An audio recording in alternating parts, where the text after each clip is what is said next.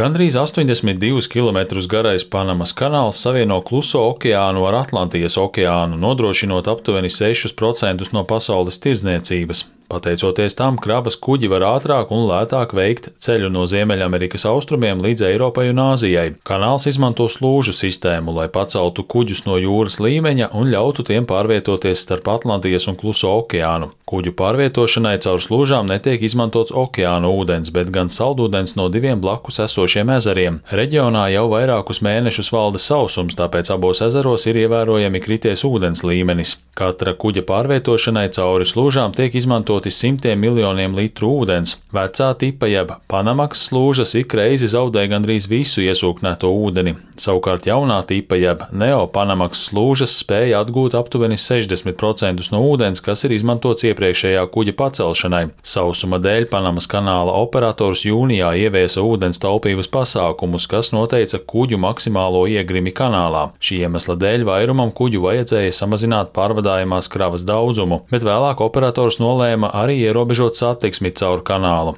Ja iepriekš normālos laikapstākļos caur kanālu ikdienu varēja izbraukt no 36 līdz 38 kravas kuģiem, tad kopš 30. jūlija kanālu diennaktī var šķērsot maksimums 32 kuģi. Šī iemesla dēļ abos kanāla galos ir izveidojušās kravas kuģu rindas. 10. augustā atļauju iebraukt kanālā gaidīja 161 kuģis, lai gan parasti šajā gada laikā tiem vajadzētu būt aptuveni 90 kuģiem, bet vēl aptuveni 40 kuģi tuvojās kanālam. Panamas kanāla pārvaldes administrators arī Karte Vaskes Morales paziņoja, ka šos ierobežojumus var nākties saglabāt vēl diezgan ilgu laiku.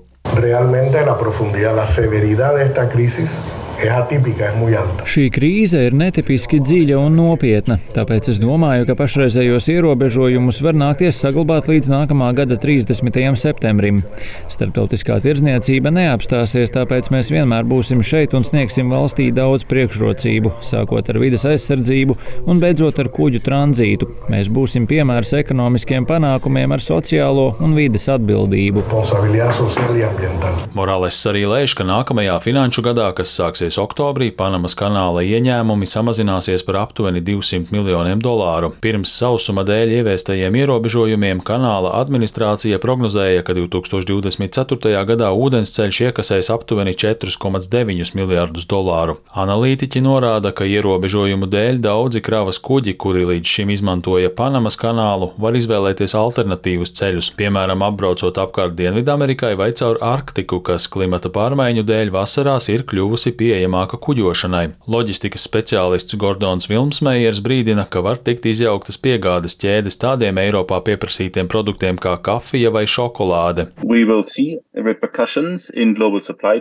Mēs redzēsim sekas globālās piegādes izmaiņās. Tās atšķirsies. Tādi produkti kā piemēram ogles, dzelzrūda vai nafta netiks ietekmēti, jo tos iespējams varēs novirzīt uz citiem maršrutiem. Ja runa ir par svaigu produktu piegādēm, kas ir īpaši svarīgi arī Eiropai, tad tas mūs var ietekmēt ievērojami. Arī par to pārvadāšanu pa kanālu būs jāmaksā papildu cena.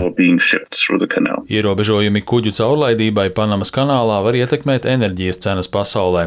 ASV uzņēmums Cheniere Energy, kas eksportē sašķidrināto dabasgāzi, paziņojis, ka veiks piegādes pa alternatīviem ceļiem, taču tas prasīs vairāk laika un būs dārgāk. Ulris Česberis, Latvijas radio.